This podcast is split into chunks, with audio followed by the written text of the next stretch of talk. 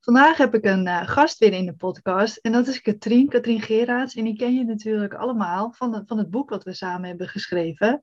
Dus uh, welkom Katrien, heel fijn dat je tijd vrij wil maken om wat uh, te vertellen. En we gaan het hebben over hartcoherentie, want dat is echt jouw, jouw kindje, jouw, jouw, jouw passie eigenlijk, ook als ik het zo mag zeggen, toch? Absoluut, absoluut. Ja, want um, uh, als eerste, hoe is hartcoherentie op jouw pad gekomen? Want dat is denk ik wel leuk om, om te horen voor iedereen. Hè? Want voordat we het over de theorie gaan hebben wat het is, is ja, hoe, hoe is het op jouw pad gekomen? Wel, um, eigenlijk heb ik altijd in het bedrijfsleven gewerkt. Um, en ben ik een zevental geleden, een jaar geleden in contact gekomen met het burn-out beest. En ik noem het echt een beest, omdat het toen toch echt mijn leven uh, in de greep heeft gehouden, gedurende anderhalf jaar. En tijdens uh, de zoektocht naar genezing, en dat was toen echt wel een zoektocht, want ik wist totaal niet waar te beginnen, ben ik uh, in contact gekomen met deze techniek. Uh, deze techniek werd gegeven in een kliniek in Bordem door Louis van Nieland. En Louis is eigenlijk degene die het boek Blijven Ademen mee heeft geschreven. Ik kende hem toen natuurlijk nog niet, maar ik heb hem daar leren kennen en daar heeft hij mij de hardcore techniek aangeleerd ja, en later heb je samen met Louis natuurlijk ook het boek Blijf Ademen geschreven. Dus, de, de uh, dus jij hebt, jij hebt twee boeken op, uh, op je naam, maar daar gaan we het straks misschien ook nog verder over hebben. En toen heeft Louis heeft jou eigenlijk dus de hartcoherentietechniek aangeleerd. Ja. En wat, wat bracht het jou? Wel, wat bracht het mij? Ik, ik zat toen in een eindeloze tunnel, wist niet hoe ik eruit moest geraken, voelde vooral dat ik fysiek uh, en mentaal was uitgeput. En ik kon niet meer uit die versnelling geraakte, geraken. Ik wist ook niet hoe ik het moest doen. Um, en daar heb ik vooral uh, geleerd, want hartcoherentie is eigenlijk een, een wetenschappelijk gefundeerde ademhalingstechniek, um, waarbij we door de ademhalingsoefeningen het hart en het brein meer in rust gaan krijgen. En dat heb ik ook gevoeld. Door de oefeningen heb ik gevoeld dat ik meer in mijn lichaam ga zitten dan in mijn hoofd ga zitten. Dat ik meer bewust ben van het, het voelen wat er in mijn lichaam aan de, aan de hand is, uh, dan dat ik er ga over nadenken. Dat heeft mij eigenlijk vooral gebracht, leren terug ja, voelen wat er heerst. Ja, dus in plaats van het, de vermoeidheid en de klachten voelen, weer echt je lichaam voelen. Hè? Want dat zijn twee verschillende dingen natuurlijk. Ja, want er zijn mensen maar ik voel ook van alles. Maar we zijn wel heel vaak het contact met ons lichaam kwijt, waardoor we dus zo over onze grenzen gegaan zijn. Hè? Want dat is natuurlijk een burn-out. Je ja. bent gewoon over je grenzen zo ver gegaan dat je niks meer kan voelen. Ja, absoluut. En dat is, dat is het punt. Uh, daar heeft de hardcore techniek mij het meeste bijgebracht. Dat is uh, terug zien of leren voelen wanneer je moet, moet doseren of niet. Dus je begint aan je dag en je gaat de sneltrein op en dat is het uh, eigen aan het karakter van iemand die uiteindelijk toch wel in een burn-out kan terechtkomen. Uh, dat zijn de diehards, de mensen die niet opgeven, die ook meestal prikkelgevoelig zijn en eigenlijk toch wel nood hebben aan, aan, die, aan die rem. En die rem, die rempedaal kan je juist indrukken door de ademhalingstechniek. Ja, Want ja. de ademhalingstechniek is eigenlijk een techniek waar we vooral bij gaan ritmisch ademen met focus ritmisch ademen en korter in, langer uit. Dat is eigenlijk de gouden regel. Uh, dat is het belangrijkste aan de techniek, dat je het uitademen gaat verlengen. Want het uitademen, dan ga je de gaspedaal eigenlijk induwen, de, de, rem, uh, de rempedaal induwen. Dus dat er ja. terug een balans komt tussen de gas en de rem in je lichaam. Maar dan komen we eigenlijk dan terug bij de, even een bruggetje naar de hyperventilatie. Ja, want daar ben jij net als ik natuurlijk ook gewoon bekend mee. Uh, dat is natuurlijk de reden ook waarom we het boek hebben geschreven. Um, uh, dan hebben we ook vaak de zin gebruikt. Hè? Hyperventilatie is geen teken van zwakte, maar een teken dat je te lang te sterk bent geweest. Zelfs als met, met een burn-out. Um, maar um, ook want als je hyperventileert, dan adem je te veel hè, ten opzichte van wat je verbruikt. En mhm. door op een, op een andere manier te gaan ademen, onder andere dus bijvoorbeeld met hartcoherentie, zorg je er eigenlijk voor natuurlijk dat die balans hersteld wordt. Ja, ja. Uh, als hyperventilant ga je eigenlijk continu overademen. Of je dan nu bewust of onbewust doet, je gaat altijd te veel inademen, te veel zuurstof inademen en te veel koolzuur uitademen. Dus dat koolzuur in je lichaam, dat is het belangrijkste. Dat heb je tekort als je hyperventileert. Dus we gaan tijdens de techniek vooral eigenlijk dat autonoom zenuwstelsel terug tot rust krijgen. Die gas- en die rempedaal in je lichaam, in moeilijke bewoording, dat ortho- en parasympathisch systeem, ga je proberen in een balans te krijgen door met focus ritmisch te gaan ademen. En als er meer balans is in je autonome zenuwstelsel, gaat je, je ademcentrum daar ook op reageren. Dus het is door het vertragen, door elke dag te gaan zitten en enkel en alleen maar te gaan ademen, dat je gaat voelen dat je gaat, hoe je gaat moeten vertragen. En dat doe je met die ademhaling, met die ritmische ademhaling. Korter in, langer uit. Ja, want is dat ook eigenlijk dan de definitie van hartcoherentie? Ja, de definitie is uh, dat je, uh, doordat je gaat uh, ritmisch ademen, gaat je hartslag mee stijgen en dalen.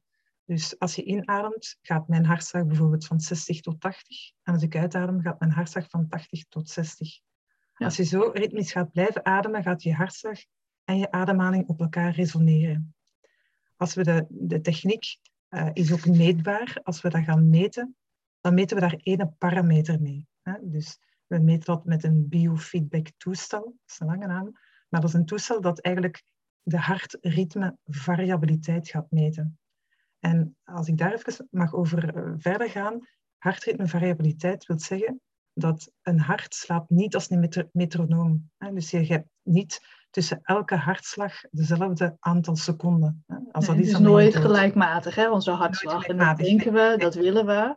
Ja, want nee. onregelmatige hartslag is heel beangstigend en heel vervelend. Het is eigenlijk teken dat het heel sterk en gezond is, je hart, toch? Ja. Als het ja. De tijd tussen, ja, als de tijdspanne tussen elke hartslag variabel is, zoals men noemt, dan heb je een hoge hartritmevariabiliteit. En dat is positief. Dat is juist meetbaar met die biofeedback. Daarom, mee, daarom ben ik ook zo voorstander om het, het meten. Het, het, het meten is weten. Dan kan je zien hoe is mijn hartritmevariabiliteit op dit moment. En die is on, heel, heel, afhankelijk van, uh, van het aantal prikkels dat je overdag hebt, maar ook van alcohol, van bewegen of niet bewegen, uh, van je slaap. Uh, het hangt met heel veel parameters samen.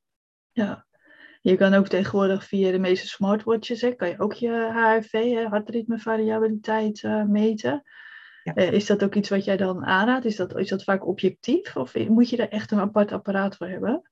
Wel, uh, als je ze meet met een, een, een, horloge of bijvoorbeeld een Aura-ring, dan ga je gedurende een hele tijd, een, een dag of een nachtopname, een HRV meten. Uh, wat wij doen in de praktijk, uh, zelf gebruik ik, maak ik gebruik van de Inner Balance van HeartMath of de Moonbird. Um, en dan ga je eigenlijk echt op het scherm aflezen. Je, je ziet dan je hartslag en je kan echt zien of je hartslag stijgt met inademen en of die daalt bij het uitademen. Dus die HRV, die hartritmevariabiliteit, kan je heel veel in detail zien op zulke toestellen. Dat kan je minder zien op een smartwatch. Dat, dat is een ander soort meting eigenlijk. Dus ja. mijn voorkeur gaat uit naar de toestellen waar je echt de stijging en de daling van hartslag kunt zien. En je hebt er ook een klein spectrum, een spectrum op je toestel, waarbij je effectief ziet of er balans is tussen die gas- en die rempedaal tijdens de oefening. En dat is eigenlijk de magie van, van heel het verhaal, dat dat meetbaar is. Dat ademen eigenlijk een rechtstreeks effect heeft op je autonoom zenuwstelsel. Ja, en op je hartslag. En op je hartslag en op ja. je hartslagvariabiliteit. Ja. ja. ja. dus dat, het is hartstikke mooi natuurlijk, hè, wat het dan uh, is en, en, hoe je dat kan beïnvloeden. Dus ja. eigenlijk op het moment dat je uh, je heel erg gejaagd voelt, heel onrustig voelt, uh, dan, dan kan het dus helpen om zo'n oefening te doen.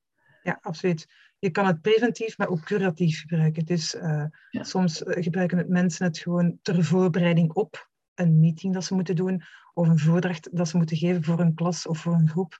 Uh, maar je kan het ook ge gebruiken als, uh, om, om, om terug tot jezelf te komen. De oefening doen, ademen, enkel en alleen maar ademen en voelen dat die hartslag en die ademhaling op elkaar synchroniseren. En dat geeft uiteindelijk rust in je brein. Ja. Wat, wat, als, als pauze eventjes tussendoor. Ja, absoluut. In plaats van een kopje koffie, dat je eventjes een ademhalingsoefening doet. Ja, Gewoon zitten en ademen. Daar komt het op neer. Dat, is... Jij hebt zegt dan dat je uh, een apparaat gebruikt dan uh, ervoor om te meten. Maar kan je het ook zonder apparaat doen? Absoluut. Dus de, de goedkoopste en de simpelste oplossing is dat je gewoon een, een app neemt, een ademhalingsbegeleider noemt dat dan. Uh, je installeert dat op je gsm. En dat kan bijvoorbeeld een, zeg maar een Respiro Guide Pro zijn uh, of een Paced Breathing app. En als je dat intikt in, in, je, in je Play Store, uh, dan kan je die instellen. Het komt erop neer, welke app dat je ook gebruikt, maakt niet uit, dat je korter in gaat ademen en langer uit. En de standaard dat wij als start gebruiken is 4 seconden in en 6 seconden uit en 6 keer per minuut. Dus we gaan effectief 6 keer per minuut gaan ademen. Maar de meeste mensen ademen het dubbele of het driedubbele of het vierdubbele keer per minuut. Dus voor sommige mensen is dat heel moeilijk om ineens te gaan vertragen. Om te gaan zitten, recht zitten, met de schouders naar omlaag. En rustig te gaan inademen via de neus. En gelijkmatig mond of neus uitademen. Dus eigenlijk geluidloos. Het is de bedoeling om echt zonder te veel kracht te gaan zetten op je schouders of op je, op je stembanden of op je kaken. Gewoon heel rustig in en gelijkmatig uitademen. Dat is eigenlijk de bedoeling. En het is niet uh, spiritueel bedoeld, maar wat je denkt tijdens de oefening heeft ook effect. Als je denkt aan je boodschappenlijstje of je to-do-lijstje, dan, dan ga je dat ook gewoon, gewoon zien in je grafiek, dat die gewoon naar, naar een niet-coherente grafiek gaat. Terwijl als je echt gaat voelen en doorvoelen, dat je inademt en gelijkmatig uitademt en heel dat proces volgt van dat ademen tot in je ziel, dan ga je zien dat je echt een coherente curve krijgt op je toestel. Maar dat, dat, weet je natuurlijk ook. Er zijn heel veel mensen met hyperventilatie die hebben eigenlijk zo'n verstoorde relatie met de ademhaling. Dat alleen al eraan denken ja, vaak al voor zoveel stress zorgt en dat je zo benauwd uh, wordt, dat het gewoon helemaal niet prettig is. Ik, heel eerlijk, uh, ik vind het heel vaak ook niet prettig om te doen. Want Met, met, een apparaatje zoals Moonbird of met mijn horloge die dan piept, dan, dan wel. Maar als ik nu gewoon moet gaan zitten en moet gaan ademen, vind ik dat echt heel erg lastig. Um, uh, en zo zijn we natuurlijk allemaal anders. Hè? Dus we hoeven niet allemaal uh, hardcoherentie te doen. We hoeven niet allemaal, net als dat mhm. niet iedereen wil hardlopen of, of wil, mhm. wil breien of haken. En we zijn allemaal gelukkig anders. Um, met, met terug naar mijn vraag. Uh, wat doe je dan als je het gewoon helemaal niet prettig vindt om te doen? Moet je dan doorduwen? Moet je doorzetten? Of, of... Nou, in het begin starten we eigenlijk uh, een, een oefening zonder de app, zonder het ritmisch ademen, maar gaan we gewoon de ademhaling tekenen. Je neemt een blad papier en je gaat gedurende drie minuten je ademhaling tekenen. Ook dat kan zeker onaangenaam aanvoelen, maar je gaat bewust omgaan met die ademhaling. En je gaat daarna tellen hoeveel ademhalingen heb ik nu gedaan gedurende die drie minuten. en hoe, hoe, teken je dat dan? Even voor de visuele... Als je gaat inademen, gaat je pen omhoog. Als je gaat uitademen, gaat je pen omlaag. Dus je, dus je maakt even een soort golfjes. Ja, je maakt een golfbeweging en je pen volgt je ademhaling niet omgekeerd. Hè? Dus je gaat echt gewoon tekenen hoe je op dat moment aan het ademen bent, zonder dat jij een oefening aan het doen bent. Dat maakt jou al bewust van hoe uw ademhaling op dat moment is. Maar een ademhalingsoefening, of je ze tekent of dat je nu met een app een oefening doet, moet je niet gaan doen als je al in de zone bent van een, een angst of een paniekaanval. Dan moet je zeker niet gaan zitten en gaan ademen. Maar het is de regelmaat dat telt. De eerste week gaan we de ademhaling tekenen. De tweede week gaan we pas overgaan naar ademen met een app.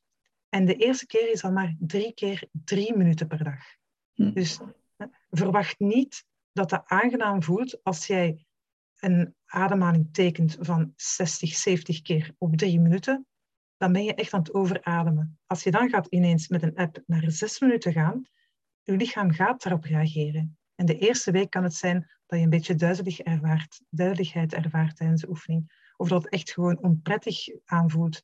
Maar dat gaat absoluut weg. Het, het, het leren ritmisch ademen lukt voor iedereen. Ik was ook een hyperventilant, maar gaan zitten en enkel en alleen daarmee bezig zijn, het volgen gewoon van, van de begeleiding, dat lukt na een tijd. Maar niet als je al in een fase zit van, van paniek of, of acute stress, dan is zitten en ademen, als je dat niet kunt op dat moment niet aan de orde, inderdaad. Nee, dus dan moet je het eigenlijk gewoon preventief doen. Hè? Want op het moment dat je al in paniekaanval bent, Ja. dan ben je eigenlijk al te laat. Absoluut. En dan loopt die Ja. emmer al zo ver over. We moeten ervoor zorgen dat die paniek niet meer komt. Dat is ook het belangrijkste advies. Dat als iemand mij vraagt, ja, wat kan ik doen tijdens paniek? Ja, zorg dat het niet meer komt. Ja. Want daar gaat het om. Je moet die oorzaak aanpakken. En, en eh, dat, dat is natuurlijk, uh, is dan een, een manier om die, die rust in je systeem te krijgen. En het is natuurlijk multidisciplinair. Dat vind ik heel belangrijk om, om te zeggen dat alleen ademen gaat natuurlijk niet helpen. Het, Nee. is, het is leefstijl is even belangrijk. En leefstijl bedoel ik zonder te overdrijven daarin, maar voeding, hè, de cafeïne laten, want cafeïne in je al, al, al lichte lijf gieten gaat ook niet echt helpen. Eh, proberen op te letten met alcohol, proberen op te letten met snelle suikers. Eh, ook al leef ik ook niet als een non, maar ik hou er toch wel rekening mee. Eh, en ik moet eigenlijk er altijd nog mee rekening houden. Eh, dat leefstijl zoals voeding, maar ook beweging, het dagelijks, eh, de- wetenschap zegt 20 minuten matig intensief bewegen, eh, heeft een significant verschil op je fysieke en mentale gezondheid. Dat is al de moeite als je dan weet dat 20 minuten per dag al voldoende zijn en dat het niet echt cardiotraining moet zijn. Ik vind dat de moeite om het dan toch elke dag te doen. gewoon wandelen is, is, al, is al genoeg. Hè? Absoluut, Maar dat ook, is al genoeg. ook tuinieren. Ja, absoluut. We denken Ja. heel vaak dat, dat het eh, sporten moet zijn. Dat je naar de Nee. sportschool moet of moet gaan hardlopen of iets, weet je, stevig doorwandelen. Maar gewoon wandelen is, is Ja. al, al, al genoeg. Ja. En dat is natuurlijk, eh, ja, want die leefstijl, hoe jij leeft, is Ja. natuurlijk gewoon super belangrijk. En het is voeding, het is beweging, maar het is natuurlijk ook slaap. Heel veel eh, Ja. daarin een, een ritme vinden dat je voldoende slaap hebt, want dat is je, je recuperatie. En, en de nacht is de spiegel van de dag. Dus als je dat een beetje mee rekening houdt, is dat die derde pijler ook heel belangrijk, even belangrijk als het ademen. En wat erbij komt, is ook absoluut ehm, het, het mentale.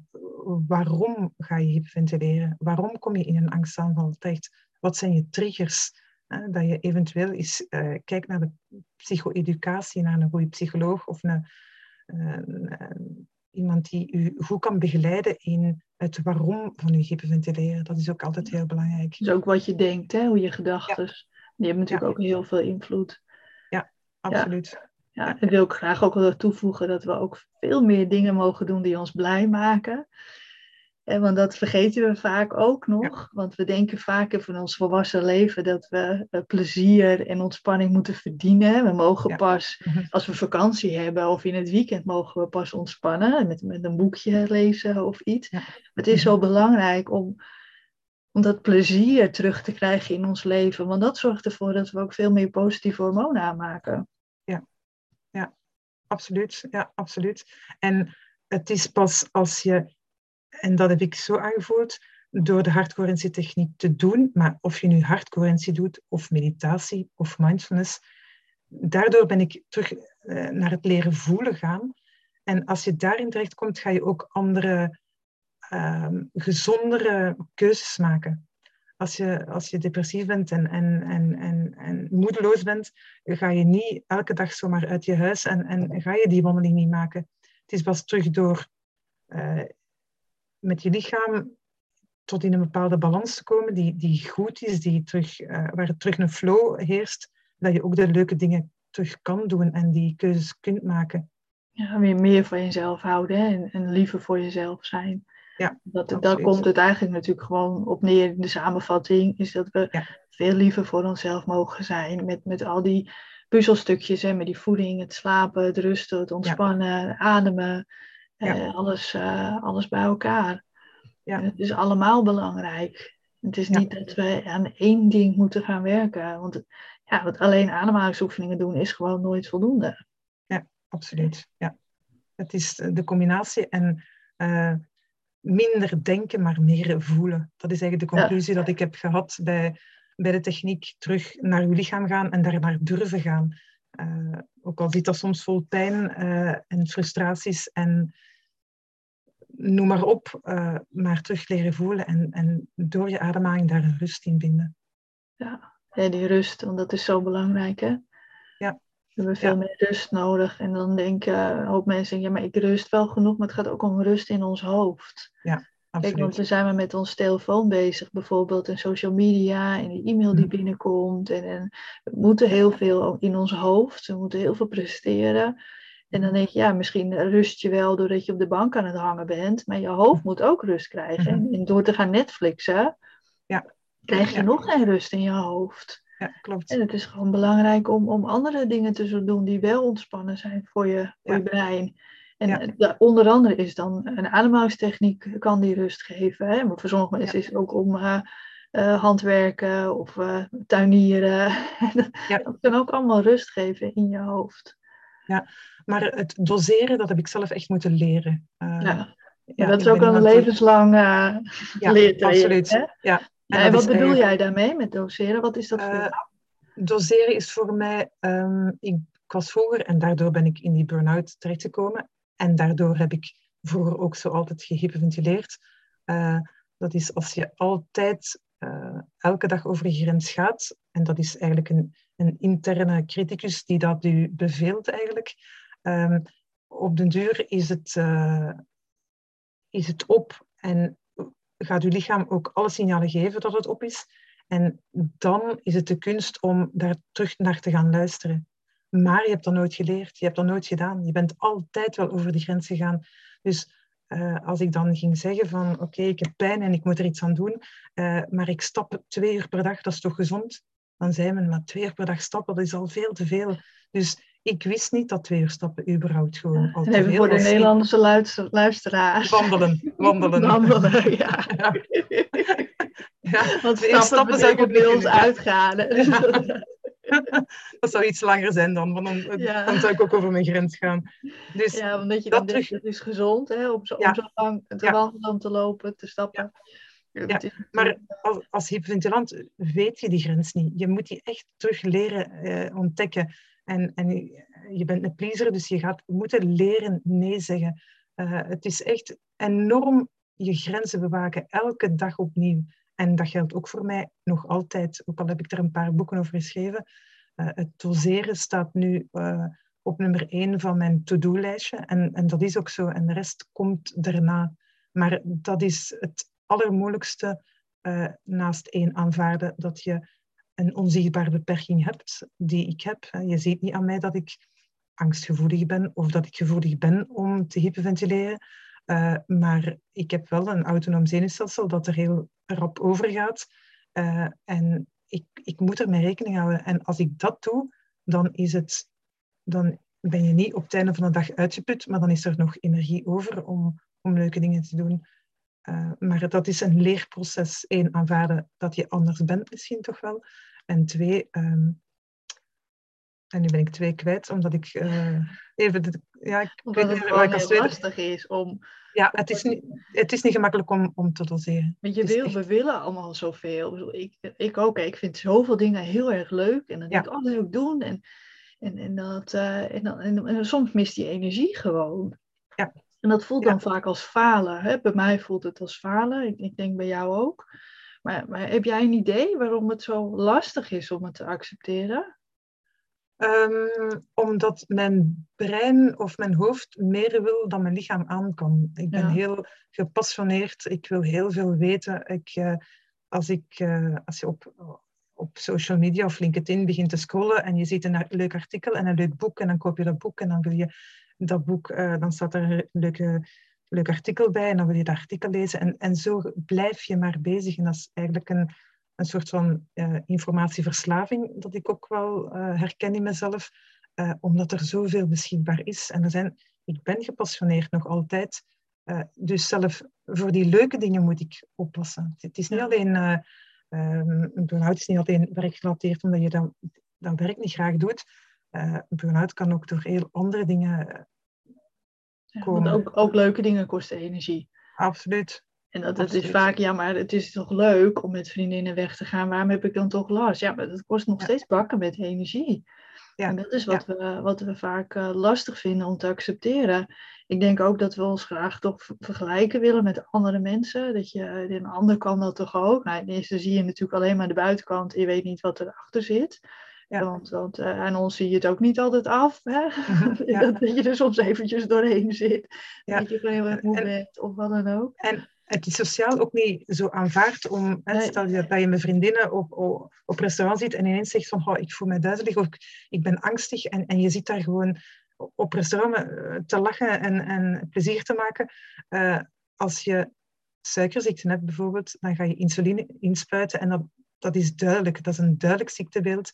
Je hebt de insuline nodig en dat is sociaal aanvaard. Ook niet leuk natuurlijk als je ook dat niet leuk, nee, zeer, zeer ernstige aandoening, maar die is zichtbaar. Ja, net als het dragen van een bril. Ik heb contactlenzen, ja. Katrien de bril. Ja. En dat is ook gewoon iets wat heel sociaal geaccepteerd is. Ja. Ja. Dus als ik een lens uitdoe, dan zie ik geen steek. Ja. ja. Maar een angst of hyperventilatie uh, of energietekort is niet altijd zichtbaar, is niet altijd bespreekbaar. Ja. Uh, en uh, dat, is, dat is niet zo evident, vind ik.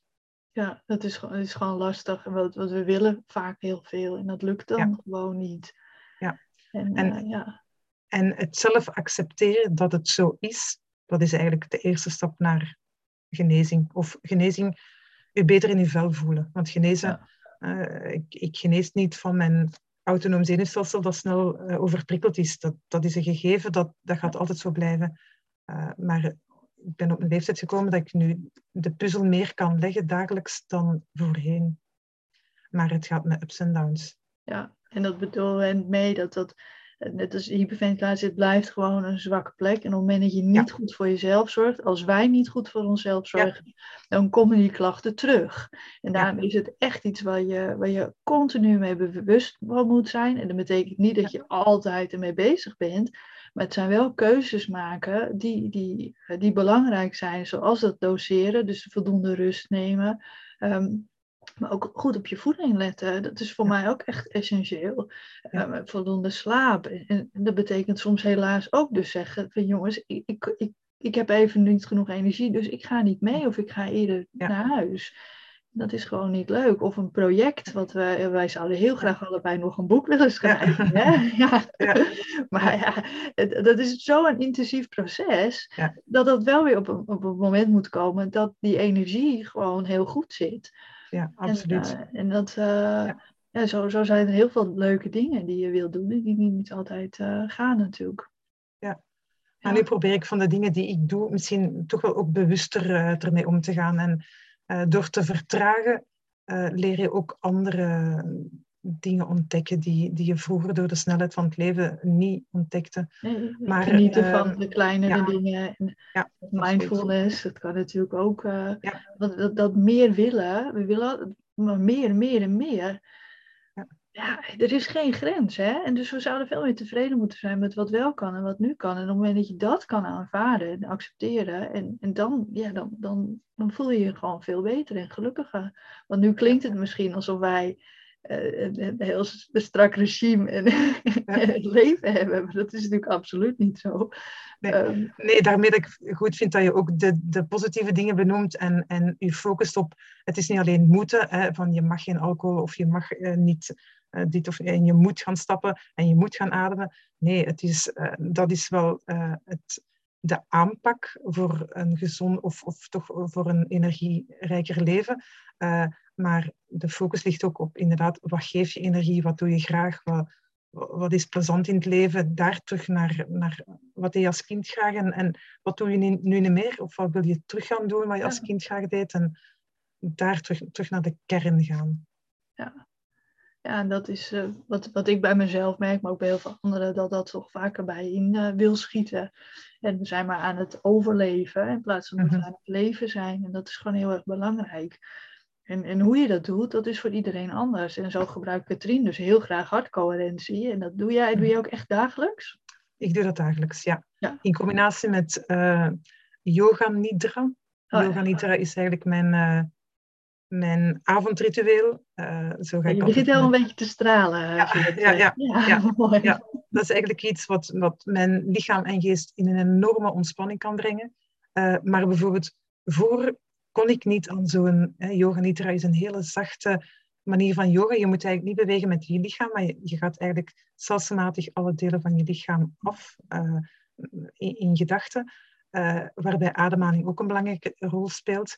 Maar vroeger, toen ik de hardcoherentietechniek niet kende, als ik moest gaan liggen en, en iets volgen, of, of een mindfulness oefening of een yoga oefening, dan voelde ik pas de onrust in mijn lichaam, in het ademen, in het overademen.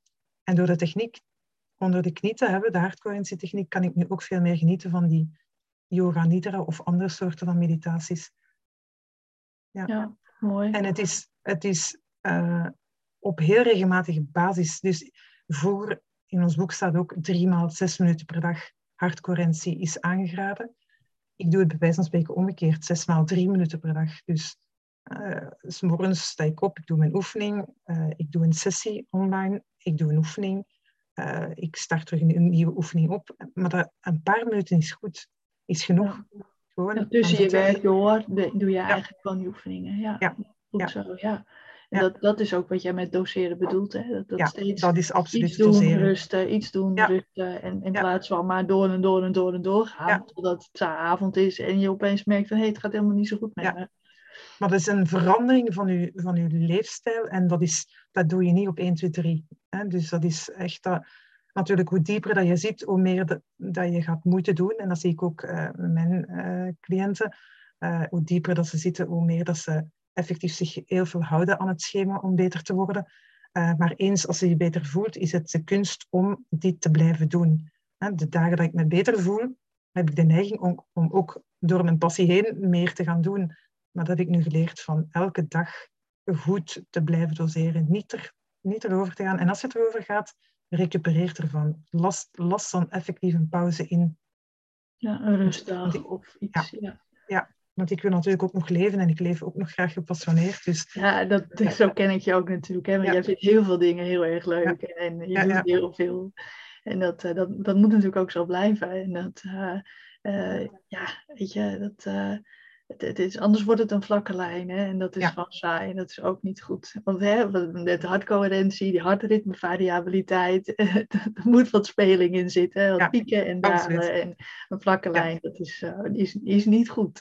Ja. Toch? Met leven niet en ook niet eh, met, eh, met, met de hartritmevariabiliteit. Ehm eh, wat, wat ik nog ehm, eh, wou, wou vragen eigenlijk, hè, want we hebben het dan over, eh, over die hartcoherentie, daar wil ik even terug naar. Eh, wanneer ben je nou co- coherent? Hè? Want we hebben het eigenlijk dan over de, de onrust. Maar je, Mhm. je kunt ook zomaar spontaan coherent zijn. En dat, dus, en wat, wat betekent dat? Kan je, dat kan jij Ja. beter uitleggen. En, en hoe bereik je dat? Wel, coherent zijn is eigenlijk, als je het fysiologisch bekijkt, is dat je hartslag en je ademhaling op elkaar gaan synchroniseren. Ja? Dus normaal gezien, eh, als je gewoon praten bent en rondkijkt en niet ritmisch ademt, eh, gaat je hartslag op en af, op en af, niet synchroon met je ademhaling. Vanaf het moment dat je ritmisch gaat ademen, coherent gaat ademen, gaat je hartslag mee stijgen en dalen. Met inademen gaat die stijgen, met uitademen gaat die dalen. Dat is eigenlijk de hartcoherentie. En dat- je hart komt dan in een bepaalde staat terecht en gaat je brein beïnvloeden. De drie breinen gaan beter samenwerken onder invloed van die hartcoherentie.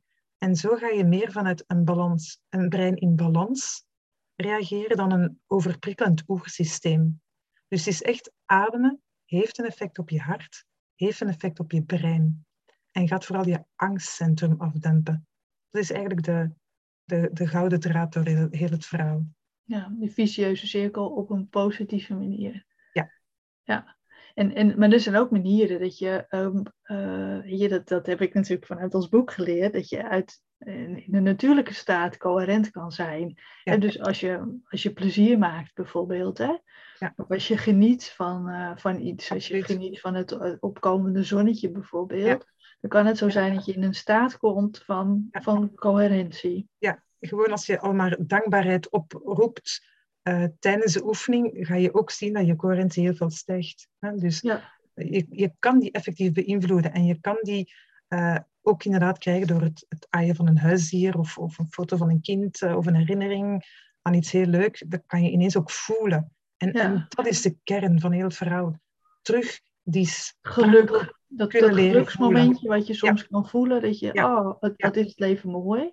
Ja, ja, En hoe, hoe, hoe beter jij in balans bent, hoe vaker je dat weer gaat voelen, omdat je dan ook absoluut. in balans bent, in die coherent bent. Ja. Eh, ja, en als je het niet meer kan voelen, dan zijn we natuurlijk totaal uit balans. Hè? Dat, Ja. eh, Klopt. Ehm, ja. Maar ehm, even terug op ons boek. Want daar staat natuurlijk heel veel in uitgelegd over hardcoherentie. Er staan ook een aantal oefeningen in. En je noemde zelf al de oefening net natuurlijk met het, met het tekenen van de golfjes. Is er nog een andere oefening die je eh, kunt vertellen? Er is een oefening eh, dat je eigenlijk met je, en dat is ook heel leuk om met kinderen te doen, dat je met je rechter wijsvinger over je hand strijkt. Dus je begint langs de pink en je gaat inademen tot aan het topje van de pink. En dan strijk je terug langs de zijkant van de pink en ga je De binnenkant? Ja, binnenkant.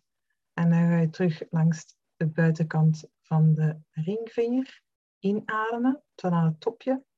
En dan langs de buitenkant van de ringvinger en uitademen. En gewoon die sensaties, je vingertoppen zijn heel gevoelig. Dus gewoon de beweging en het ademen geeft een bepaalde rust. En zeker, dat is echt een, een oefening dat je gemakkelijk met kindjes kan doen. Ja, maar ook zelf natuurlijk. Ja. Ja, en Ja. doordat je eigenlijk met je vinger eh, beweegt langs je andere vinger, eh, ja, dat voel je huid op huid. Hè, dat is Ja. gewoon heel gevoelig. Dus dan Ja. krijg je natuurlijk al een beetje die huidsensatie, waardoor die aandacht al niet volledig op die ademhaling is. Ja. En op die manier te ademen word je vaak gewoon rustig. Ja. En, En dan, zei je dat kan je niet doen als je al in paniek bent, maar wel preventief.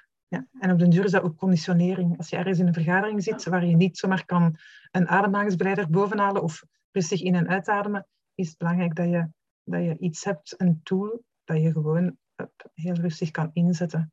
Ja. Gewoon langs die vingers gaan en heel rustig ritmisch ademen. En die oefening staat ook in ons boek uitge- uitgelegd. Hè? Dus er staat vrij achter in het boek, volgens Ja, de pagina's Ja. uit je hoofd kent, maar die weet ik niet.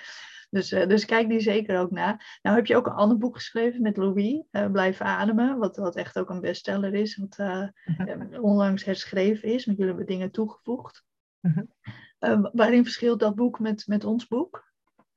Het boek is echt het vierstappenplan van de hardcore, hardcoherentietechniek. Dus eh, we praten daar een klein beetje over hyperventilatie, maar we praten daar vooral over de techniek zelf. Het gaat echt over Wat- ja, wat is En hardcoherentie? gewoon Het hele pakket aangepakt hè, over de hyperventilatie, angst en paniek. Wat je Ja. kan doen met al adviezen. En in jullie boek gaat echt heel goed en heel duidelijk in op, eh, op Over de techniek zelf. Ja. Heel mooi vormgegeven, vind ik vooral het boek. Ja, Ja, en heel duidelijk uitgelegd. Dus wil je meer weten over hardcoherentie, dan, eh, en je hebt, eh, je hebt ons boek al, maar je denkt ik wil natuurlijk nog meer weten, dan, dan ga je zeker natuurlijk ook blijven ademen. Het is een hele mooie aanvulling om beide boeken eh, Mhm. te hebben. Dus het heeft eh, eigenlijk ja, zeer weinig overlap. Hè? Het is echt een, Ja. een totaal ander, totaal ander. Ja. ja, dus dat is zeker. Dus als je er meer over wil weten, blijf ademen. Ook verkrijgbaar via alle boekwinkels in Nederland en België.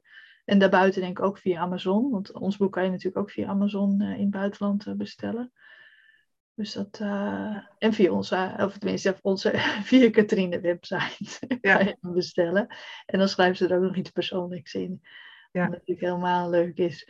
Ehm, is er nog iets wat je kwijt wilt? Wat we misschien nog vergeten zijn te, te bespreken? Ja. Of, Wel, wat ik eigenlijk altijd tij- tijdens elke sessie zeg, onafhankelijk van de hardcoherentietechniek, is ehm, het ademen eh, doen heel veel mensen onbewust te snel en te diep. En daarbij is het altijd heel cruciaal om te leren ademen via je neus en niet via je mond. Dus dat is eigenlijk het stokpaardje wat ik altijd herhaal en herhaal en herhaal. Dus ook aan jullie, degenen die meeluisteren, probeer er eens op te letten. Adem je door je neus of door je mond? En zeker op de momenten dat je heel geconcentreerd achter de computer zit, of met de auto aan het rijden bent, of eh, aan het koken. Dus in, in een concentratie gaan heel veel mensen lucht aanzuigen via de mond. Dus dat is eigenlijk iets Mond wat ik altijd... Ja, mond dicht. Ja, mond is om te, om te praten en om te eten en de neus is om te ademen. ja, zoveel mogelijk door de neus. Ja. Als je verkouden bent, dan gaat het vaak wat lastiger. Maar Ja. in de normale situaties, de neusademhaling heeft heel veel voordelen. Eh, daar gaan we het zeker nog een andere keer over hebben, want anders zitten we nog heel lang te kletsen. Dus ehm, nee, ik wil je heel erg bedanken, Katrien, voor je tijd en duidelijke uitleg. En ik hoop dat het weer een, een inspirerend eh, gesprek was eh, voor, voor iedereen die luistert. Eh, Katrien kan je natuurlijk op social media volgen. Ehm, en eh, ik zal de link naar haar website hieronder nog even plaatsen. Maar dat kan je het zelf nog even je website noemen? Ja, dat is www.biofeedbacktraining.be. En mijn Instagram is blijven ademen. Katrien, blijf ademen, toch? Of Katrien blijven ademen. Eh, of blijven ademen. ik twijfel. Maar als je op onder blijven ademen, dan kom je bij Ja. Katrien uit. Ja. Ja, dus dat, dat komt helemaal goed. Ik zal de linkjes eh, hieronder eh, plaatsen, dus dan kan je doorklikken. Jij Nou, ook nogmaals- bedankt, Nicole. Ja, bedankt. Jij ook bedankt. Ja. En jij bedankt voor het luisteren en tot bij een volgende aflevering.